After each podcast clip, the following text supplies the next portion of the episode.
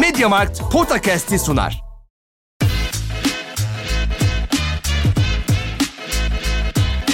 Potakast. Kaan Kural ve Orkun Çolakoğlu'yla NBA gündemine haftalık bir bakış.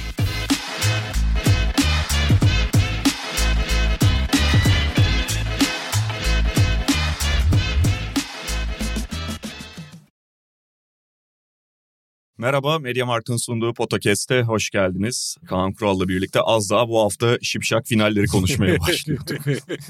yani bir maç kalmıştı. Evet, gelecek perşembe bir de final olduğu için işte bu programı yapacaktık. Sonra gelecek haftaki program geldi. Ee hiçbir şey olmadı falan diye kalacak Öyle, yani. belki de yapmayacaktık. Evet, yani doğru. iş oraya gidiyordu ama Boston Celtics bir maç alarak iki konferans finalinin de süpürge olmasını engellemiş oldu. Biz de konferans finallerini konuşacağız tabii ki bugün. Başlarken bir Mediamarkt duyurumuz var. Klaba özel indirimler Mediamarkt'tan. İhtiyaçlar sizden klaba özel indirimler Mediamarkt'tan. Klab üyelerine özel seçili ürünlerde sepette 2500 liraya varan indirim var. Klaba üye olarak fırsatları yakalamanın Mediamarkt'la tam zamanı. Yani Ee, diyor ki işte sen üyesindir bu arada zaten. ben üyeyim abi zaten de. Diyor ki yani zaten alıyorsunuz bari biraz şey bizim de bir faydamız olsun size diyor yani. Biraz indirim indirim kazanırsınız. Peki şimdi bir serimiz bitti dediğimiz gibi biz Doğu Konferansı ile istersen başlayalım. E, Boston Celtics uzatmayı başardı ama 3-0'lık bir Heat üstünlüğü vardı. Yani Miami Heat'in zaten play-in'den alarak çok enteresan ve NBA tarihindeki en şaşırtıcılardan biri diyebileceğimiz bir playoff yolculuğu söz konusu. Normal sezon birincisine ellediler. Normal sezonun büyük bölümünü birinci götüren Boston Celtics'i de süpürmenin eşiğine geldiler. Gerçekten çok etkileyici. Bunun tabii bir tarafı Miami Heat'e övgü gerektiriyor ve bu kısmını tabii ki konuşacağız. Ama Boston tarafından da büyük bir hayal kırıklığı ilk üç maç itibariyle oluştuğu kesin. Nereden başlamak istersin Kaan abi? Yani Önce şeyi söyleyeyim. Ya bu playofflar baştan aşağı biraz hani Miami özelinde tabii çok zirveye çıksa da e, hakikaten ilginç bir playoff oluyor. Çünkü bence ilk tur genel itibariyle tarihin ilk turlarından biriydi. Yani hakikaten çok keyifli basketbol seviyesi olarak da heyecan da işte ne bileyim eğlencesi de sürprizleri de vesaire harikaydı bence. Ve kendi bir de hani net fazla favorinin olmaması belki de en net favorinin ilk turda elenmesi daha sonra hani bu takımlar filtrelence daha iyi ve daha kaliteli, daha eğlenceli, daha rekabetçi basketbol beklerken ikinci tur seviye düştü. Ee, konferans finaline geldiğimizde de ise yani bu sefer de basketbol adına hani çok evet mesela yani Denver La- Lakers 4-0 bitmiş olabilir ama oldukça çekişmeli falan da. Ama yani o ilk turdan sonra her tur daha geriye gittik. işin basketbol ve keyif anlamında. bir de sonuçta özellikle konferans finali seviyesinde işte NBA finali, konferans finali biraz serileri serinin genel skoru üstünden hatırlarsın. Yani dediğin gibi Denver Lakers serisi esasında 4-0'ın düşündürdüğü kadar tek taraflı bir seri olmadı. Her maç kendi içerisinde yakın geçti ama sonuçta onu 4-0'la hatırlıyorsun. Bu Boston Miami'de eğer bu sabah bitseydi 4-0'la hatırlayacaktın. Ama bu 4-0'a gerçekten 4-0'a benziyordu Boston Miami olan. Öyle öyle ama yani aslında baktığında mesela işte şimdi bu sabahki maç farklı gelişseydi yakın belki olabilirdi. İşte ikinci maç biraz İkinci daha maçta- enteresandı falan. Bunları da insan unutuyor o 4-0'larla birlikte. Onu da söylemek lazım. Ben hep şey diyorum zaten. Üç tür maç oluyor genelde. Bir, bir takımın hani çok net üstün olup sürklase ettiği. İki, genel olarak üstün olduğu bir tarafın. Bir tarafında yani bir de kaba kaba olan maç. Yani çok da zaten atla deve değil. Yani üçü ayırmak için çizgi belirliyorsun. Kritik olan nokta yakın geçen maçları kazanabiliyor musun? Kaba kabaya olan maç sonları biraz şans, biraz maç sonu oynama becerisiyle. Ve esas bence çok fark yaratan konu bir tarafın belli bir üstünlüğü olduğu maçları bir şekilde çalabiliyor musun? Mesela bence Golden State Lakers serisinin dördüncü maçı buna çok iyi bir örnek. Keza mesela Boston Miami serisinde ikinci maç için bunu söyleyebilirsin. Yani Miami'nin bir şekilde Boston'ın genel olarak daha iyi olduğu bir maçı e, çaldı demeyelim Boston'ın yani çoğu zaman yaptığı gibi hani rakibine hediye etmeye kalkıştığı Ya maçlar. deplasmanda sonuçta 8-9 sayı farkla geridesin son periyotta ve bitimine de yani son periyodun başı değil bayağı böyle yarılanmış durumda. Başında son 12 periyod. sayı geridesin. Evet. Esas şey var işte abi zaten 4 dakika 3,5 dakika kala 3,5 dakika kala 196 skor. Oradan 105'e yani 9-0 seri yiyorsun 2,5 dakikada. Yani 2,5 dakikada felç oluyorsun. Sonrasını zaten hiç söylemiyorum.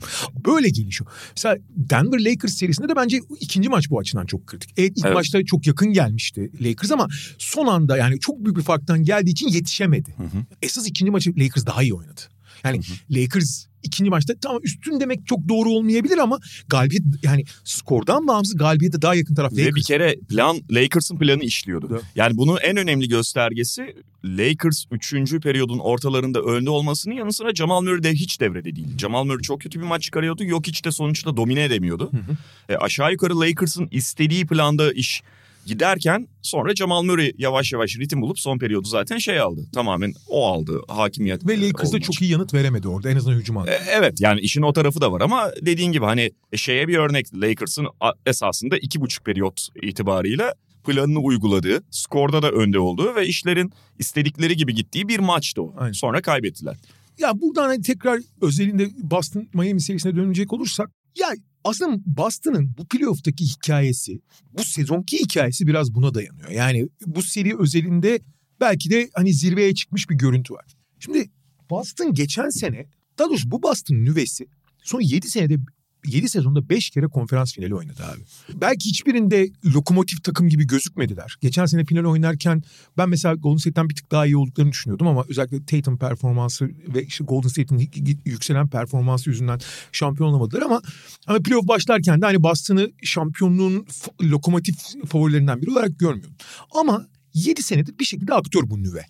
Temel nüve. Birkaç parçası değişse de.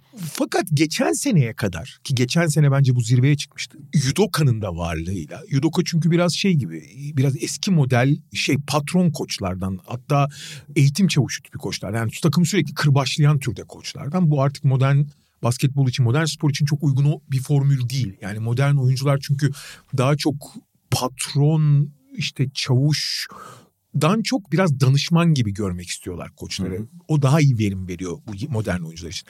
Fakat spesifik bazı kadrolar var ki Boston bunlardan biri. Bunları biraz şey istim üstüne tutmak lazım. Çünkü Boston'ın kolektif oyun aklı çok düşük abi.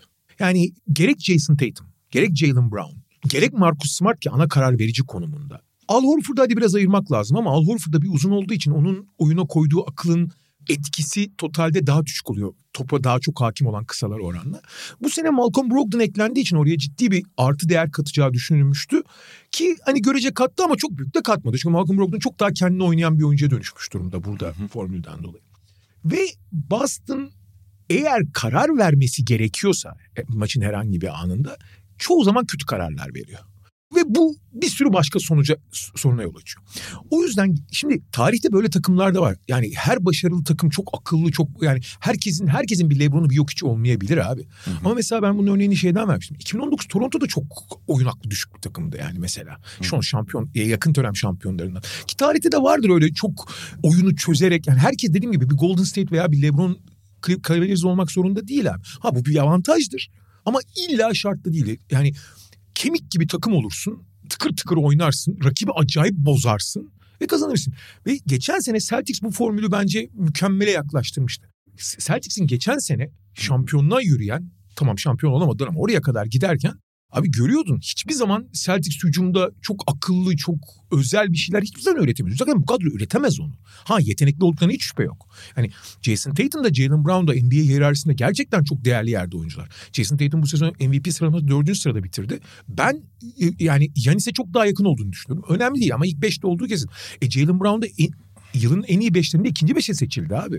Katılırsın katılmazsın ama oralarda adı geçen oyuncular. E bakıyorsun kadro derinliği olarak da ilk 8 oyuncuyu saydığın zaman hepsinin NBA hiyerarşisindeki yerleri gerçekten çok müstesna yerler. Bunlar kolektif olarak bir şey üretebilir. E sonuçta kolektif olarak çok üretemezse birbirine uyan da oyuncular. Birbirinin üzerine basan oyuncular da değiller fazla. Fakat geçen sene bile yani takımın görece en başarılı olduğu sezonda bile çok büyük bir problem çözen, büyük anlarda oyunu büyüyen, ne bileyim çok akıllı tercihler yapan bir takımdan öte başka bir takım. Bunun da formülü şeydir abi. Ezbere oynatırsın böyle takımları. Yani karar versin, aklını kullansın değil ezberlerini oynasın. Ve mümkünse de rakibi bozsun. Abi geçen seneki Boston'ın en büyük avantajı belki de son yılların gördüğü hani 2000'lerin ortasından beri görülmeyecek şekilde olağanüstü bir savunma takımıydı. Ve bunun temelinde şey vardı abi. Birebir kimse yenilmiyordu kolay kolay. Şimdi istediğin kadar switch yapabiliyorsun. Hiç kimse birebir kolay kolay yenilmediği zaman, hep topun önünde kalabildiğin zaman bu rakibin yaptığı her şeyi ama her şeyi biraz daha zorlaştırıyor. Ve 48 dakikaya bunu yayabilirsen de her geçen dakika bir rakibi biraz daha yıpratıyorsun, biraz daha zorlaştırıyorsun. E bunların tetiklediği ekstra hücumlar falan buluyorsun. Hiçbir zaman kolay kolay maçtan kopmuyorsun. İyi periyotlar yakaladığın zaman da hücumda da çok ezber şeyler, belki çok verimli olmasa çok ezber şeyler bir şekilde kazanma şansı yaratıyorsun kendine. Fakat bu senenin başında çok basit bir şey, çok ilginç bir şey oldu. John Mazzulla takımın başına geldikten sonra bu takıma hücumda çok basit ama bu takımın çok yapabileceği bir temel prensip bekledi. Takımda hemen hemen herkes penetre edebildiği için belli bir ölçüde. Penetre üzerinden pas, penetre pas şut, penetre pas şut. Ve sezona muazzam girdi Celtics. Hı hı. Fakat bu, bu aynı zamanda benim çok anlayamadığım şekilde hücum yani anlayamadım derken bir tarafını anlayamıyorum. Çok daha hücum kimlikli bir takıma dönüştü zaten sezon başındaki hücum rakamları ortadaydı. Ve savunma kimliğinden uzaklaş. Şimdi savunma kimliğini bir kere kaybedersen abi bu inadını, alışkanlıklarını, önceliklerini de çok değiştiriyor. Çünkü bir kere hücumda çok etkili oyuncu olmaya başladığın zaman bu kötü niyetli olmasan bile savunmadaki çok basit angaryaları aynı konsantrasyonda yapmana engel olabilir. Benim anlamadığım tarafı bunun. Tamam bunlar olabilir. Savunma dikkatin azalır. Ne bileyim hatta bulaşırsın. Ben hücumcuyum kardeşim savunmayı da mı oynayacağım? Başkası yapsın da diyebilirsin ki ben bunu çok Boston oyuncular için çok geçerli olduğunu düşünmüyorum ama tetikleme, içgüdüsel olarak tetiklemeler adam. Esas mesele abi her şey olur ama abi insan mesela abi 3 sene sen yüzmezsen yüzmeyi unutur musun abi? Bu takımın benim en anlamadığım abi birebir nasıl bu kadar çabuk geçilmeye başladılar? Yani Marcus Smart çok kötü bir sezon geçirdi eyvallah. Hadi belki onun sakatlığı şey falan. Abi Jalen Brown falan bile ki çok gurur duyar bununla. Hı hı. Abi birebir de vızır vızır geçiriyorlar. Geçen seneki Jason Tatum'un savunma çizgisini hatırlıyor musun? O Kevin Durant'e ilk turda yaptıklarını falan. Hı hı. Bu sene hiç kimsenin geçen seneki savunma çizgisiyle alakası yok. Hadi bunun kafasal ve koordinasyon ve konsantrasyonla eksildiğini anlıyorum. Ama birebir de vızır vızır geçiriyor Boston. Ha sonuçta her biri çok özel savunma oyuncuları olduğu için bazen savunma iyi durduğu oluyor ama çoğu zaman geçen seneki Şimdi böyle olunca da abi bu hücumdaki yükü daha da arttıran bir durum. Fakat hücum devamlılık sağlayamadığı her yerde işte Miami de geçen sene yapmıştı. Miami Boston'ın hücumunu çok bozabilen bir takım. Çünkü topa çok saldırıyorlar ve Boston'ın en büyük sorunlarından biri top hakimiyeti ve fazladan baskı geldiği zaman yani standart savunma paternlerinin dışında sıkıştırmalar falan geldiği zaman iyi tercihler yapamadığı için çok daha fazla top kaybediyor. Bu da tabii rakibin hızlı hücumunu tetikliyor vesaire vesaire. Miami çok canını sıkıyor Boston. Hı hı. E nitekim bunun örneklerini de gördük.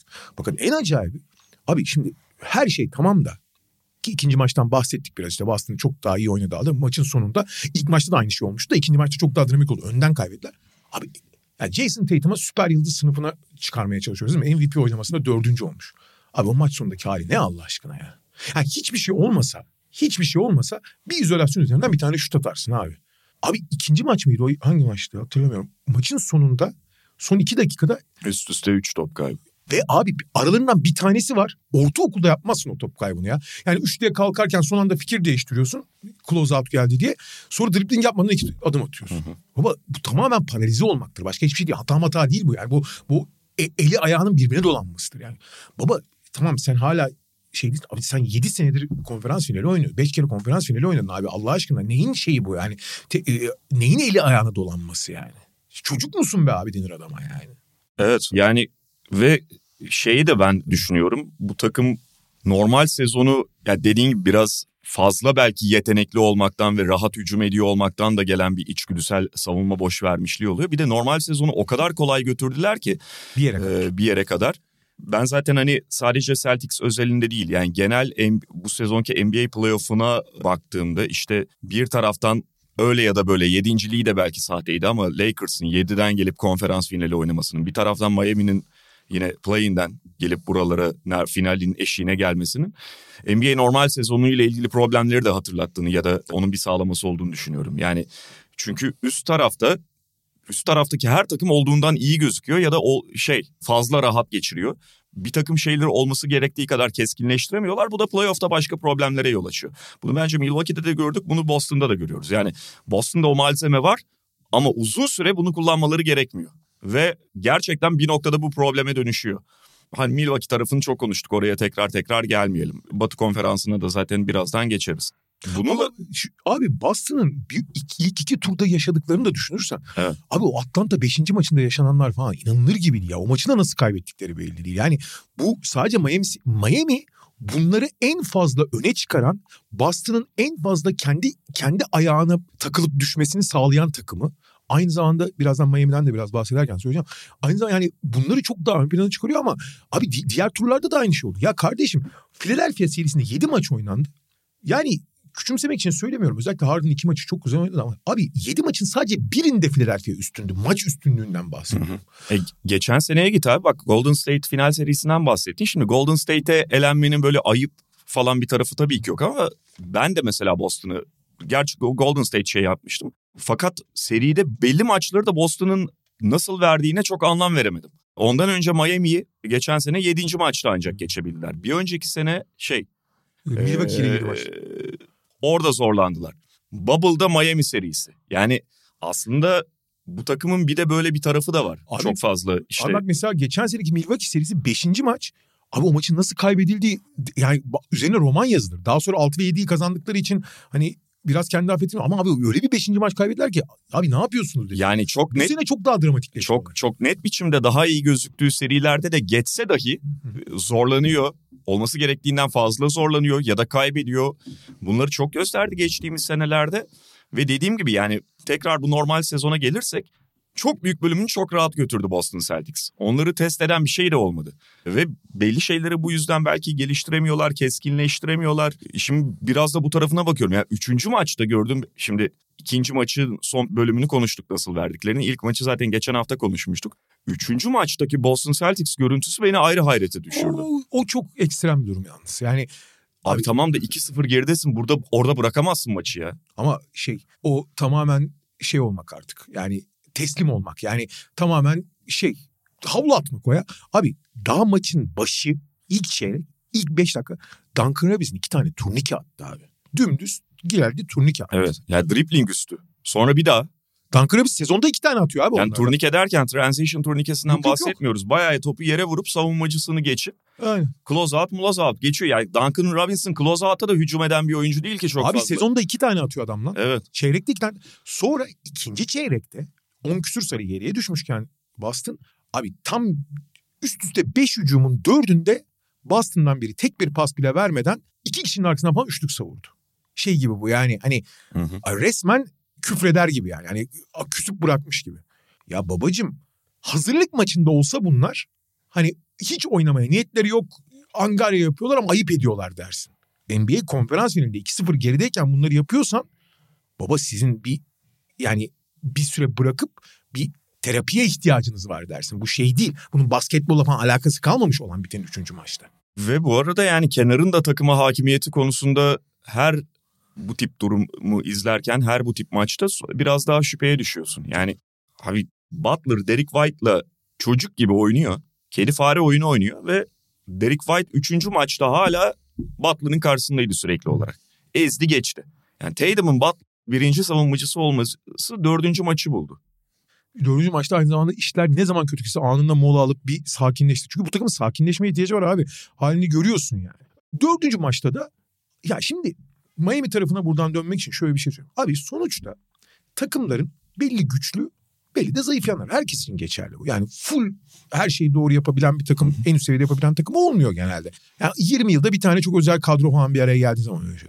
Ve bu takımların yıldız oyuncu daha doğrusu rolleri dağıtıyorsun. İşte kim daha çok kim oyunu hücumu yaratacak, kim ilk aksiyonu yapacak, kim bitirecek. Rotasyon ne vesaire. Savunma ana prensipleri ne? Drop mu yapıyorsun? Yani bir sürü temel prensip var. Ve herkese roller veriyorsun. Sonra bu rolleri en iyi şekilde oynamasını bekliyorsun. Ama sonuçta abi bazen başrolde Daniel Day-Lewis oynar. Bazen başrolde Polat Alemdar neydi o adamın? Necati Şaşmaz oynar. Aynı performansı alamazsın doğal. Daniel Day-Lewis yani hiç Yani aynı performansı alamaz. Ama sonuçta böyle bir şeyin içinde bulmamıştı kendini. Necati Şaşmaz Yani. mıydı? Necati Şaşmaz da yani. kıyaslamak için çok uygun bir isim olmadı ya. Keş- Umarım haberi olmaz Daniel Day-Lewis. o zaman Tom Cruise diyeyim mesela. Tom Cruise da çok iyi şeydir. Abi- Çok üstü oyuncu ama iyi oyuncu. Biraz tartışmalı bir konu. Neyse. Ona göre o rolleri o rol bir de ona uygun mu abi? Yani sonuçta mesela en son konuşulan konu yeni Raiders of the Ark'ın yeni bölümünü çektiler. Kutsal Zina Avcıları'nın. Abi 80 yaşında Harrison Ford olmamış diyor pek çok kişi. Yani o rol ona uygun da olmayabilir. Anlatabiliyor muyum? Ya da ne bileyim işte e, bir romantik komedi çekiyorsundur. Aradaki yaş farkı falan olmuyordur. Olmuyor. Kimya olmuyorsa olmuyordur. Hani rolleri belirlersin ve rolleri verirsin oyunculara. Bu rolleri sonra nasıl oynar? Fakat abi o yani tamamen senaryodan çıkıp hiçbir şey yapamayacak hale gelip işte kamera karşısında böyle ağzı tutulursa Boston gibi e o zaman bir şey değerlendirmenin anlamı kalmıyor. O filmi değerlendirecek bir şey kalmıyor yani. Çünkü Miami tarafında ise tam tersi geçerli abi. Abi roller dağıtılmış. Bu rolleri tam altından kalkıp kalkamayacağın soru işareti olan oyuncular sadece ve sadece çok iyi bir yönetmen eşliğinde çok doğru roller verildiği için onun sonuna kadar oynuyorlar. Ben hep şeyi söylüyorum abi sonuçta Boston Miami serisini ilk üç maçı şey yaptığın zaman seyrettiğin zaman skoru bırak abi. Abi sürekli Miami oyuncuları daha süratli gibi gözüküyorlar. Evet.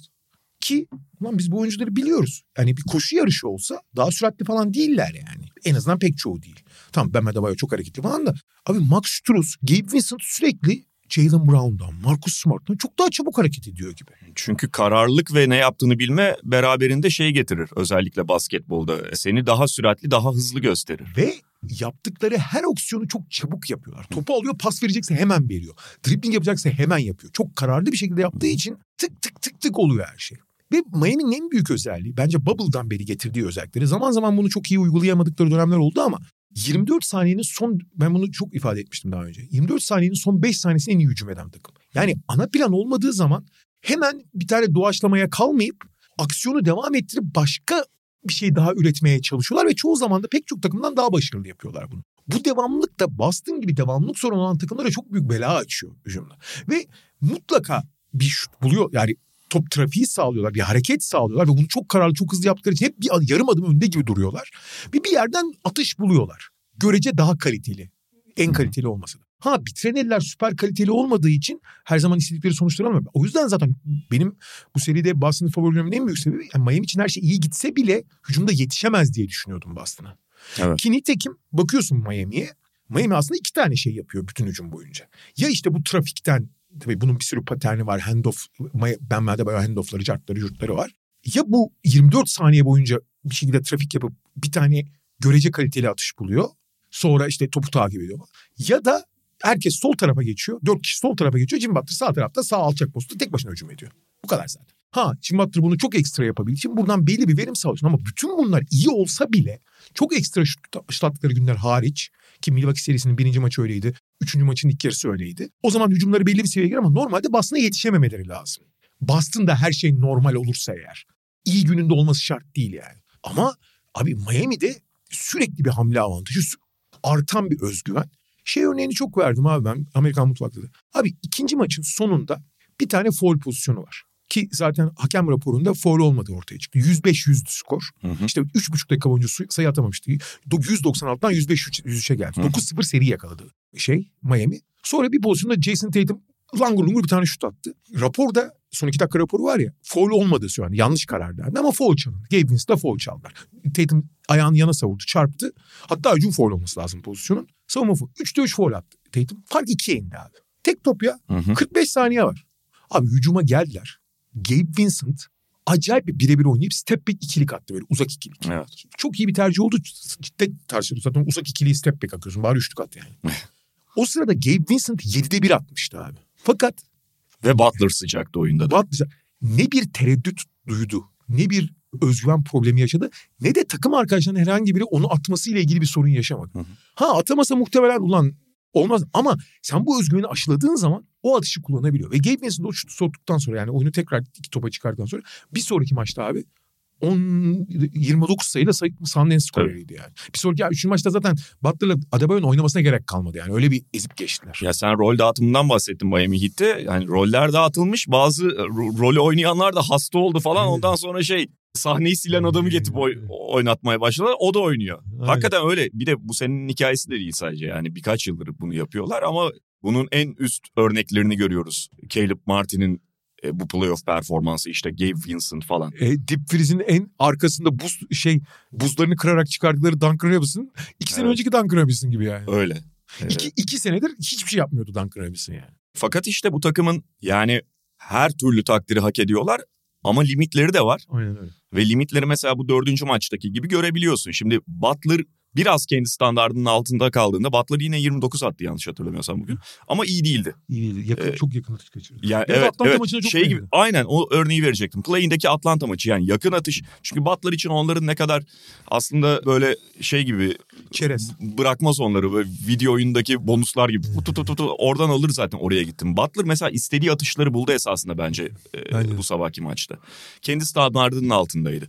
Ben Fakat şey ben sonuçta Ben Adebayo çok kötü bir maç oynadı. Adebayo kötü maç oynadı ve şimdi o zaman şey de İlk, bu arada başlayabiliyor. ilk üç maçında müthiş oynamıştı Adebayo yani onu da söyleyeyim. O zaman o zaman şey de yavaş yavaş başlayabiliyor. Yani sen böyle kendi savunma hatalarından işte yok Struz köşe üçlüğü, Duncan Robinson'a kolay atış verme falan gibi hatalar yapıp rakibe o piyangoları vermediğinde takımın üretici problemi, rakibin üretici problemi su yüzüne çıkıyor. Tabii. Ya ka- artı zaten şey de bir taraftan maalesef devam ediyor Miami açısından. E, Zaten kadro daraldı. Zaten Tyler Hero'yu kaybettiler. Zaten Victor Oladipo'yu kaybettiler. Gabe Vincent bu maçın sonlarında sakatlandı. Sonra oyuna Durumunu bilmiyoruz. gerçi. Yani sonuçta ayak bileği falan bu tip sakatlıklar bir probleme dönüşebiliyor playoff ilerledikçe. Şey, Kyle Lowry de iyi gözükmüyor çok fazla. Yine kasık problemi yaşamaya ve so- sol dizindeki problemi yaşamaya başladı Kyle Lowry. maç içinde ayağı kaydı kasığı tuttu bir süre Evet. sonra oynadı ama abi Dizinde maç, de bir problem var. maç bittikten sonra onlar ödem olduktan sonra bir daha bakmak lazım. Gerek Gabe Vincent'e Evet. gerek Kyle Lowry'e. Ya gerek- adam adam kalma durumuna tekrar düşebilir gerçekten Miami Heat. bir tek şey yani Boston'la ilgili olumlu söyleyecek hemen hemen hiçbir şey yok. Daha şöyle Boston abi iyi takım ve açıkçası net bir şekilde Miami'den daha üst düzey bir kadro. Hı hı. Ha bunu parkeye yansıtamamaları zaten esas büyük problem. Ve üçüncü maçtaki tablo abi şimdi yenilebilirsin. Çok kötü oynayıp yenilebilirsin. Philadelphia gibi maçın sonunda teslim olup açıkçası rekabetçi bir takıma yakışmayan şekilde yani ayıp ederek yenilebilirsin. Fakat daha ikinci çeyrekte havlu atıp böyle protesto eder gibi gelişi güzel üçlük savurarak dümdüz turnike yiyerek utanç verici yenilmek başka bir şey abi. Yani Evet. Boston'ın üçüncü maçtaki performansı hani kelimenin tam karşı utanç vericiydi abi. Yani böyle şey olmaz abi. Ya bu hani bizim Türkiye'de bazen çok romantikleştiriyoruz ya. Yediğin ekmeğe yani aldığın paraya ihanet etmek, sana inananlara ihanet etmek. Ya bu kadar da değil abi. Yine çok kötü oynayıp yenilen bir sürü takım var. Kimse de ha, laf edersin işte abi sen bu böyle topçu musun? Bu başka bir şey abi. Bu Evet. bu sporun e, şeyine ruhuna aykırı bir durum yani. Ha oradan dönüp o kadar artık iç problem yaşıyor gibi görüp yani havlu atmış umursamaz ne e, şey kulübü ne takım arkadaşlarını düşünen utanç verici görüntüden dönüp dördüncü maçta doğru düzgün oynayabilmek de o da biraz ilginç abi. Çünkü maçın başında işler çok iyi gitmiyor. 9 sayı geriye düştü Boston. Geri geldi. İkinci yarının başında 4-0 başladı abi Miami. Hı. Fark 5'ten tekrar 9'a çıktı.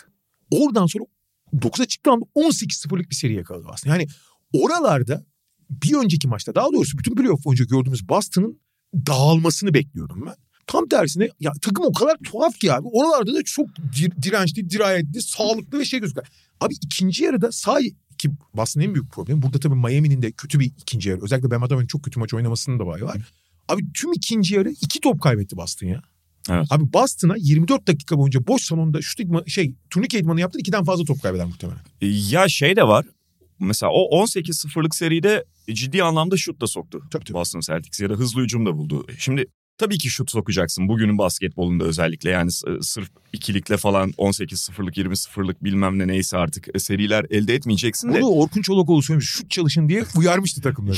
Bu- Boston'a çalışın demeyeceğim de abi şöyle bir problem var. Oradan aklıma şu geliyor. Şimdi maçın sonunda da basın toplantısında Jason Tatum şeyden bahsediyor. Ya bu oyuncuların artık e, dillerine pelesenk ettiği bir klişe var. Klişeleşmiş bir ifade var. This is a make or miss league diye.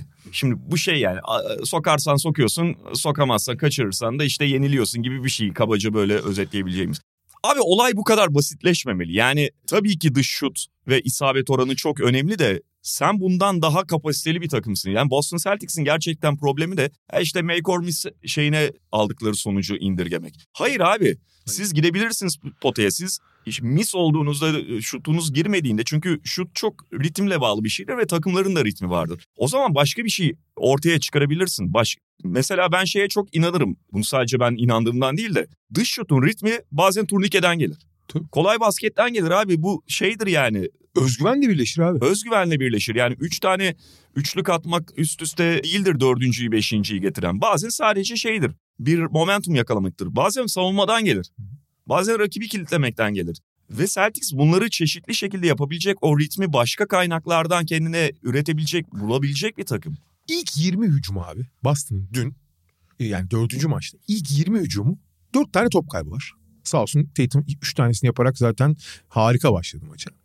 Dört tane ikilik şut var. İkisi Aha. turnike, üçü turnike, biri orta mesafe, floater gibi. 12 tane üçlük var. Abi şimdi bu çok kötü bir dağılım. Ve bu ne kadar korkarak, ne kadar hani aslında üçüncü maçtan taşıdığın psikolojiyi nasıl yansıdığını gösteriyor. Oradan ayağa kalkmaları bence bir taraftan takdir edilecek ama bir taraftan da ya kardeşim hala ay, yani aslında çok temel bir şeyler değişmemiş gibi görünüyorsun. yani. Onu onun için ben bu 18-0'lık seride de e, şutlar soktuları o yüzden söyleyeyim. Yani benim merak ettiğim hala Celtics'le ilgili ve mesela şimdi 5. maçta bir kez daha bunu gösterebilecekler mi, gerekir mi, zor du- duruma düşecekler mi bilmiyoruz ama zor duruma düştüğünde sen ve şutun da o şekilde girmediğinde yine maça asılabilecek misin? Yoksa 3. maçtaki senaryo mu olacak?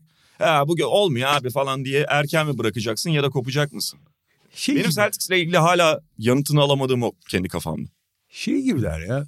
Ne bileyim böyle zengin okulunun şey takımı gibi basket takımı gibiler yani. Hani biraz keyif için biraz şey kızlara hava atmak için oynuyorlar. Şeyde Çeliktepe Cengiz Han mı oluyor sen Miami Heat'te? hayır, Çelik'te Cengiz Han'da sen benim amaçı gibi bir taraftar. ha, öyle ama yani. Hani ben zaten geçtiğimiz yıllarda da Tatum'a çok prenses diye yani diyordum. Dalga geçmek için değil ama genel hani tarzını. Hani Tatum'un sürekli böyle bir prenses halleri oluyor ya böyle. Her şey iyiyken iyi de geçen sene mesela ondan sıyrıldı gibi. Özellikle ilk turda Durant falan inanılmaz savunmuştu. O halleri yani çok acayip ya. Hakikaten ilginç. Gerçekten ilginç. Şey hala potansiyelleri tabii ki Miami'den çok yüksek olduğu için biraz maç içi dinamiklerden beslenebilirlerse çünkü maç dışı dinamiklerden hiç beslenemiyorlar orası kesin yani. Hala Miami'den iki adım önde başlıyorlar ama kendi adımlarına takılıp yüzüstü kapanmak beş adım geriye düşmeleri de mümkün. Ha, üçüncü maç gerçekten akıl alır gibi değildi yani.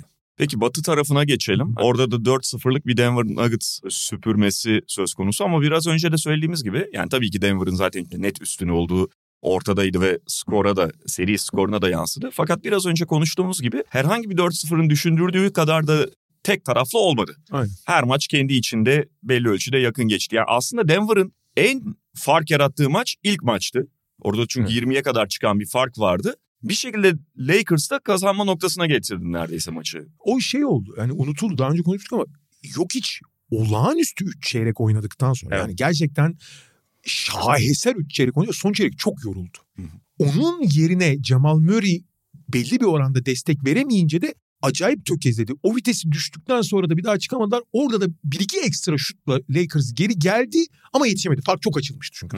Ben o maçta da söyleyeyim. İlk çeyrekte Lakers eşekliğine doymasın yani. İlk çeyrekte öyle kötü bir teori yani mantaliteyle ve hiç geri koşmadan çok saçma sapan başlamasa yani biraz daha normal başlasaydı Lakers o maçın sonunda yakaladıkları ivmeyle rahat rahat kazanabilecek. Ama ilk çeyrekte kaybettiler o maçı. Hı hı. İlk çeyrekteki hani eşeklikleriyle kaybettiler. Mi? Nitekim maçtan çıkarken LeBron ne kadar kızgındı hatırlıyor musun? Çünkü fark abi çok iyi bildiği için oyunu. Ulan bu maçı çok güzel çalıyorduk bunlardan dedi ama çalamadı. Ama işte mesela LeBron dedin. Şimdi ikinci maçın ilk o, hani belli bir bölümünü konuştuk az önce örnek verirken. Lakers'ın uzun süre direksiyon koltuğunda olduğu kontrol ettiği bir maçtı. Ve o maçı da LeBron kaybettirdi biraz. doğru. Onun o son çeyrekteki 3 sayı tercihleri üst üste Nuggets momentum yakalamışken Nuggets'ın momentumunu büyüten tercihler oldu onlar. Abi şöyle ben o maçta yayında değildim. Birlikteydik yok mi? birlikteydik. Ha, Jamal Murray'nin delirdiği Ha, maç. ha, şey a, yayında söyledim abi onu. LeBron'un olağanüstü oynadığı bir sürü maçı gördük ki bu seride de oldu yani şeyde. Kendisinden bekleneni veremediği maçlarda oldu ki hatta 2010 Boston 5. maçı rezaleti, 2011 final rezaleti de vardır kariyerinde. Ama o maçlarda çok pasifti yani hiç toptan kaçıyordu. Kötü oynadığı maçlar. Ben LeBron'un ne olursa olsun kötü oynadığı ve beklentileri veremediği maçlar ama zarar verdiği maçı ilk defa gördüm. Çünkü LeBron basketbol o kadar biliyor ki o kadar çok çeşitli oynayabiliyor ki iyi oynamasa bile, şut kaçırsa bile artı değer bir şekilde katıyor. En azından nötre getiriyor verdiği katkıyı. Çünkü savunmada da pozisyon biliyor vesaire. Yani bir Russell Westbrook gibi ya da ne bileyim başka yıldız oyuncu olarak kimse. Mesela Allen Iverson olabilir. Hatta Kobe falan da zamanında öyleydi. Başka ne bileyim İşi inada bindirerek yani Aynen orada bir dakika beyler ben şut sokacağım diye kendi Aynen. oyununa Veya kilitlenmez. işte Jason Tatum örneğini verdik. Jason Tatum gibi takıma yani genel performansa katkısı eksi olan bir şey yapmaz LeBron. En kötü nö- nötr bitirir yani maçı. Abi ilk defa eksi bitti. Ben ilk defa eksi bitirdiğini gördüm. Yani takıma ciddi zarar verdi. Ve kazanma noktasında bir, ki bir takıma zarar verdiği için kaybetmenin sebebi oldu. Öyle. E sonra üçüncü maçta yani aslında üçüncü maç dengeliydi falan. Jamal Murray ikinci maçta bıraktığı yerden başladı. Orada çok iyi oynuyordu. Fakat Jokic iyi kontrol ediyordu Lakers. Hatta Jokic üçüncü periyotta faal problemiyle de, de girdi. Epey bir süre kendi standartlarında epey bir süre oturdu. Lakers orada yine kontrolü ele geçiriyor gibiydi. Orada da bence D'Angelo Russell şeyi çok yaktı Lakers'ı. Ve son periyotta Jokic taze oyuna girip mahvetti. Ya maçı Murray'nin akıl almaz başlaması. Yani hakikaten alev almış gibi başlaması. Daha sonra bununla beraber üçüncü çeyrekte yok için foul problemiyle girmesi şöyle bir yan etki yarattı abi. Ha önce Jamal Murray'nin ya- yanarak başlaması bir yan etki yarattı. Yok hiç tamamen kontrolü ona bıraktı. Zaten Evet. yok hiç sever öyle şeyler. Evet bırakıyor. bırakıyor. Fakat bu aynı zamanda Kemal Murray yanmasına rağmen Denver'ın normal kurgusunda ve normal akıcılığından biraz uzaklaşmasını ve yok hiç asıl kontrol etmediği için hücum verimliliğinin bir tık Kemal Murray olağanüstü oynamasına rağmen düşmesine yol açtı bir yan etki. Aynen. Fakat ikinci bir yan etki daha oldu ki bence daha önemli onu. Bir yok içi ilk yarıda çok az enerji harcamak zorunda kaldı. Üçüncü çeyrekte de foul problemi girdi. Son çeyreğe girdiğinde Çok tazeydi. zımba gibiydi. hı. Ve herkesin yorulduğu yerde çok yorucu bir seri oluyor çünkü bu.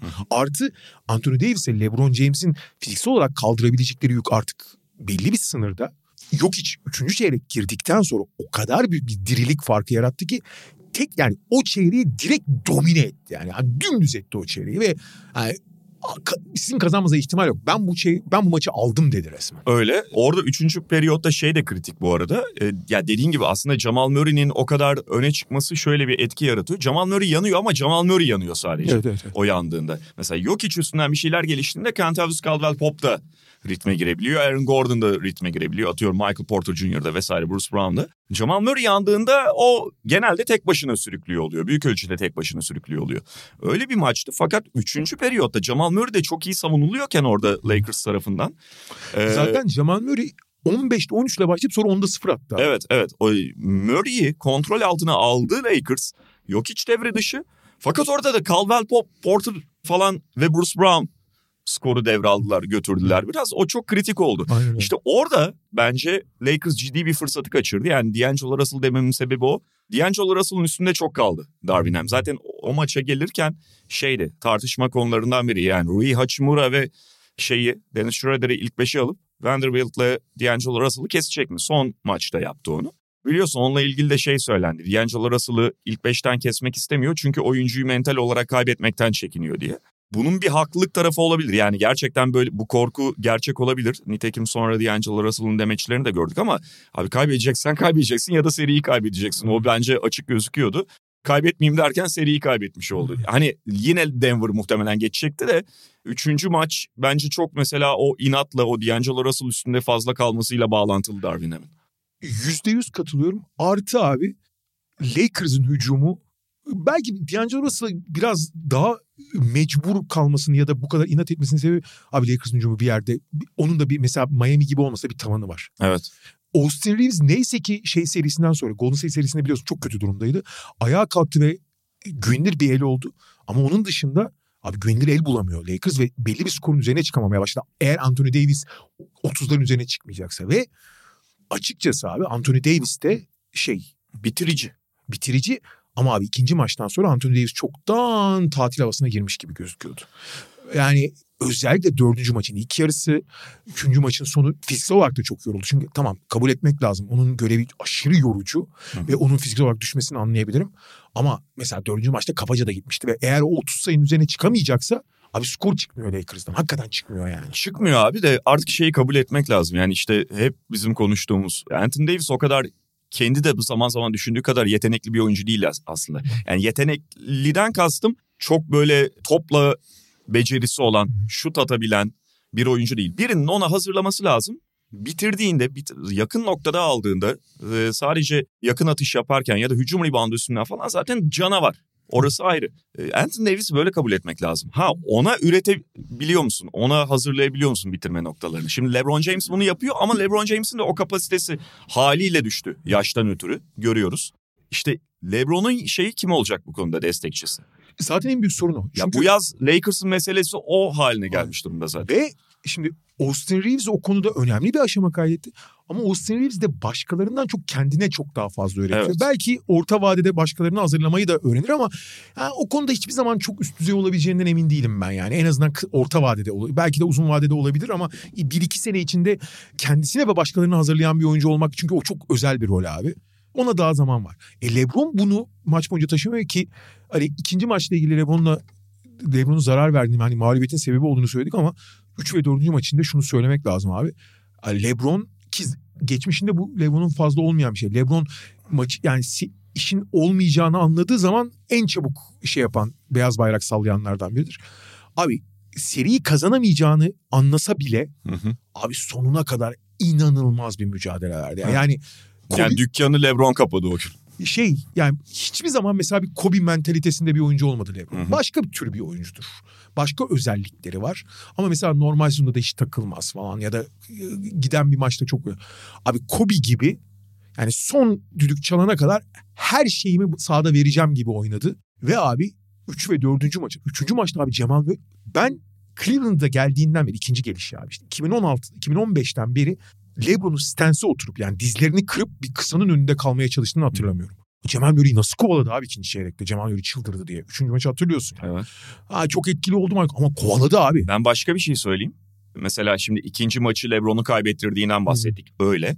Ama bence ilk maçın sonlarından itibaren hadi ikinci maçtan alalım. LeBron harika bir savunma performansı Aynen, gösterdi aynen. bu seriye. Yok Bak, işte muazzam. LeBron'un savunmasını çok sık eleştiren biri olarak söylüyorum. Aynen. Çünkü sezonda uyur ya da şey yani beyler bana bakmayın falan der. Ben kaç yaşında adamım? Genç adamsınız. Siz yapacaksınız. Abi hem yardım savunmasında hem birebir savunmada Jamal Murray'i aldığı gibi falan E, yok işi de aldı abi. Jokic aldı. İnanılmaz sorumluluk aldı LeBron James ve sonuçta onu kendini verdiğinde oyun zekasından ötürü falan ne kadar oraya etki edebildiğini, savunma kurgu organize edebildiğini Draymond Green var biliyoruz. O tarafını çok gösterdi LeBron. 48 dakika oynadı abi 3. maçta. Öyle. Ya bu seriyi tamamen Jokic ve Jamal Murray'nin üreticiliklerinin, bireysel hücumlarının LeBron Davis ikilisine ya da Lakers'ın toplamını diyelim neyse ağır basması kazandırdı Denver'a ya da te- şey temelde bu kazandırdı. Dördüncü maçta da abi gene LeBron ölümüne savaşacaktı ve a bak LeBron'un kariyerinde çok görkemli maçlar var. Fakat dördüncü maçın ilk yarısı LeBron tarihin en iyi devresi olabilir. Hı hı. Hücumda ve savunmada tam bir şaheser ortaya koydu. Yani ayakta alkışlanacak bir oyun. Fakat kimse Rui Hachimura'nın ilk beşe yerleşmesi o bahsedilen değişiklikler Rui Hachimura'yı hiç yaramadı. O fiziksel olarak çok çünkü bu seri çok yıpratıcı bir seri. O yıpratıcılıkta o da dağıldı. Hücumda ikinci bir el bulamadı bir türlü. e Davis zaten maça tamamen tatile gitmişti. Yani ertesi güne Meksika'ya bilet almış da ya abi şimdi seri uzamasın da şu biletler yanmasın der gibi bir haldeydi. Savunmada falan hiç ilgilenmiyordu Davis. Hücumda ikinci bir el bulamadı. Üçüncü çeyrekte biraz Austin Reeves yardım etti. Onun dışında her şeyi yapmak zorunda kaldı hücumda savunmada ve yetmedi. Gene iyi gidiyordu işler. Yani gene bir şekilde maçın içindeydi. Bu sefer de seri boyunca olmayan bir şey oldu. Denver'da Aaron Gordon da hücuma katıldı. Evet, evet. Aaron Gordon da katılınca LeBron da ulan ey, ey, ey, hangi birinizle uğraşacağım durumuna geldi yani. Şimdi Denver'a tekrar geçmeden en son şunu söyleyeceğim Lakers'la ilgili. Bence ilginç bir noktaydı. Pek konuşulmadı gördüğüm kadarıyla. E, Lakers'ın sezonu anlatılırken ki gerçekten hani çok ilginç bir sezon e, başladıkları ve bitirdikleri nokta itibariyle hep şeyden bahsediliyor ya. Trade deadline'da yapılan hamleler ve sonra Lakers çıkışa geçiyor. Çok acayip abi. Abi o aslında çok büyük bir yanıl... Yani şöyle tabii ki etkisi var da Lakers'ın bitirdiği noktada o son gün gelen adamların hiçbiri faktör değil. Aynen bir tanesi zarar yazıyor D'Angelo Russell ve bence mesela takımda kalma ihtimali çok zayıfladı. Bence de. Jared Vanderbilt rotasyon dışı. Malik Beasley zaten rotasyon dışı. Mo Bamba da sakattı falan hani Evet. zaten bir katkısı olmadı. Onların hiçbirinin bir katkısı olmadı. Davon Reed'i saymıyorum. Katkısı olan daha önceki takas bir ay önce aldıkları Rui Hachimura. Evet. Aslında tamamen Lakers'ın çıkışı LeBron James'in ve Anthony Davis'in sağlıklı kalmaları, Austin Reeves'in onlara katılmalarıyla falan söz konusu olan bir durum. Kesinlikle öyle ve yani hiç olmayan ve bütün dengeleri bozan Russell Westbrook'un ayrılması da belli açılardan dengeleri Evet. yerine oturttu yani. Yani o da şey e, gitmesiyle artı Evet. yazdı ve ben şey söyleyeyim en son bunu biz aramızda çok konuştuk yani hani yayınlar dışında falan ben zaten ona inanıyordum. Bence Kyrie Irving'i zorlayacak Lakers. Yani LeBron Zaten- zorlayacak. Lakers mı bilmiyorum da LeBron zorlayacak. Zaten LeBron'un bütün gündemi birinci maddesi olan demecinin Evet. alt metni bence o yani. Hani- Bence de. Ya ben kardeşim bana adam alın yani yemedim bunları diyor. Aynen. Yani işte yani herkes biliyor da işte LeBron basketbolla ilgili geleceğimi düşüneceğim diyor. E, üzerine soruyorlar ne anlamı geliyor bu yani takımda kalma Bırakmak mı? bırakmak şey, mı falan. Basketbol. Her şeyi değerlendireceğim falan diyor. İşte LeBron emekli mi oluyor? LeBron Lakers'dan ayrılıyor mu falan diye manşetler atılıyor ama yani şöyle söyleyeyim bu demek şey demek.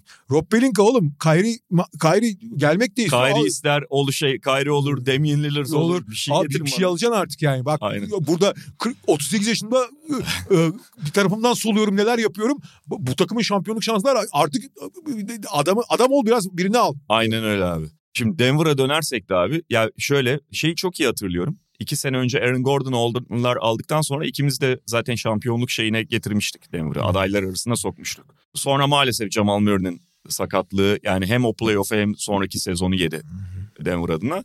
Ama o Gordon takasından sonra işaretini verdikleri yerdeler. Aynen. Ve başta Jokic adına ben çok mutlu oluyorum. Yani Jokic benim karakteri itibariyle de özel yere koyduğum oyunculardan bir tanesi. Oyunu zaten şeydi. Ve biraz hakkının yani bu kadar bu kadar büyük bir oyuncunun hakkı nasıl yenilebiliyor, nasıl underrated zaman zaman olabiliyor bilemiyorum ama işte tarzıyla da şey çok yaygara yapmamasıyla da e, maalesef bağlantılı bir durum. Amerikan medyasında biraz böyle hakkı yener gibi olmuştu. Playoff tokat gibi vurdu. Biraz da şey var tabii. Yok için tarz yani şöyle bizim genelde aksiyon yani bir filmde örnek verirsen aksiyon filminde e, ya da bir basketbol maçında şey ya acayip bir zerafet işte Michael Jordan, Kobe Bryant, Vince Carter zerafeti hani akıcılık işte top cambazlığı ve maharet görmek isteriz. Ya da kuvvet. Yani kuvvetle işte fiziksel olarak. Abi yok işte ikisi de tam yok gibi. Yani tamam muazzam bir pas yeteneği falan filan var ama hani hareketleri bile böyle bir bir langır lungurluk var yani. Hani işte o yüzden belki de takdir etmek biraz daha güçleşiyor. Ama şunu söyleyeyim abi yok hiç şu noktada tarihin gördüğü en komple hücum silahı. Yani LeBron'un zirve dönemi dahil Hı hı. bu kadar komple bir hücum gücü daha olmadı NBA'de abi. Yani Aynen. gerek kendi skoru gerek takıma katkıları yani her rolü tek başına oynuyor. Ay çok acayip ya çok acayip bir yerde yani. Çünkü şey gibi yani Ke- Kevin Durant'i mesela birebir savunurken nasıl sihirli bir çözümün yoksa özellikle zirve Kevin Durant'i. Çünkü yani ne yapacaksın? Penetreyi mi kapatacaksın? Dibine girip üstünden şut atar bilmem ne bir şey ya da mesafe verip o zaman zaten yapamıyorsun. Fizik olarak çaresiz kalıyorsun falan yardım getir. O zaman 5'e 5'e kalıyor. Şimdi Jokic'te de bütün olarak bir çözümü yok. Sihirli bir çözümü yok. Yani yardım mı getirdin? Çok kez bu seride de gösterdiği gibi tık diye buluyor boş adamı. Zaten abi herhangi bir yıldıza karşı son çaren ikili sıkıştırmadır. Abi yok için asla ikili sıkıştırma falan getiremiyorsun. Evet. Ve yok hiç bu sene diğer seneler oranla bir tane daha önemli şey. Abi bu kadar çok top, top kullanıp bu kadar az top kaybedilmez ya. Bu kadar verimliliği zaten at- biliyorsun şu düzleleri falan akıl almaz. Hani her dokunduğu altın oluyor ve altın olmayan şeylerde çöpe dönüşen de çok az oluyor. Hı hı. Hani her şeyi biraz daha kaliteli yapıyorsun yok içle. Bu, bu çok acayip şey. Ve yani şimdi yap, çok kaliteli bir sürü şey üreten çok bir yıldız var. Yok hiç sahada işte 80 hücumda mı sahada? Abi 80 hücumun 80'inde de kaliteyi artırıyor. Ya. Bu çok çok acayip bir şey yani. Gerçekten çok acayip bir şey. Yani şey falan yapman lazım. O da bambaşka riskleri beraberinde getiriyor. Ya başından ikili sıkıştırma falan getirip top aldırmayacaksın. Ama sahanın diğer tarafını çok dengesiz bırakmak anlamına geliyor bu. En iyisi abi üstüne saldırıp yormak. Mesela ilk maçta son çeyrekteki hali. ikinci, ikinci maçta da doğru. ikinci maçta. Yani iki maçta da sonda yorulmuş hali var. Yani çok gerçi o da tempo artırdığı için hızlı. Onu herhalde yormak, yıpratmak gerekiyor. Yani en iyi çözümü olabilir yani. Maçın sonunda en azından gücü kalmasın yani. Ya hem öyle hem de ben genel şey planının Lakers'ın fena olmadığını düşünüyorum. Yani bunu şöyle Anthony Davis gibi bir oyuncu tabii ki her takımda yok da Anthony Davis'i onun yakındaki ikinci savunmacı olarak dizip Hachimura gibi en azından biraz vücut olarak karşılık verebilecek bir oyuncuyu da koyarsan yani neredeyse iki oyuncuyla savunur hale gelirsen o kısmi bir çözüm olabiliyor ama yani ne kadar ekstrem önlemlerden bahsettiğimizi de lütfen fark edelim. Ve şey de çok etkileyici yani Denver, Jokic ve Jamal Murray'e tabii ki bu başta e, şey e, kredisi yazar. En başta da Jokic'e. Ya esasında Denver Nuggets yaz döneminde Bruce Brown'u aldılar, Caldwell Pope'u aldılar ve bunlar evet önemli transferlerdi. Fakat şahane bir yaz da geçirmedi. Yani yedek pivot diye DeAndre Jordan'ı almıştı Denver Nuggets. Ve takımın sahibi sen çok daha iyi bilirsin Arsenal'ın da şeyi olduğu için. Stan Kroenke'nin ne kadar cimri olduğu, aman harcamayı yapmayın, lüks vergisine gelmeyin falan gibi takıntıları olduğu da biliniyor. Şimdi oğlu artık biraz daha söz sahibi CEO oğlu oldu. Evet. Oğlunun bir tık daha iyi olduğu söyleniyor o konuda. Ama Bakalım. yani bilmiyorum onu hiçbir zaman aşabilecekler mi? Yok, yok. O- Gerçi yeni bir döneme de giriliyor geçen hafta konuştuğumuz gibi zaten. Ama yani e, politikaları her zaman yani belki bir Reinsdorf ailesi kadar saçma olmasa da her zaman aman beyler çok para harcamayındır yani politikaları. Peki Denver artık finalde rakibini bekliyor. O kim olacak? Onu artık haftaya konuşacağız. E, Bugünlük bu kadar diyoruz. Media Markt'ın sunduğu podcast'te. Haftaya tekrar görüşmek üzere. Hoşçakalın. Hoşçakalın. Mediamarkt Podcast'i sundu.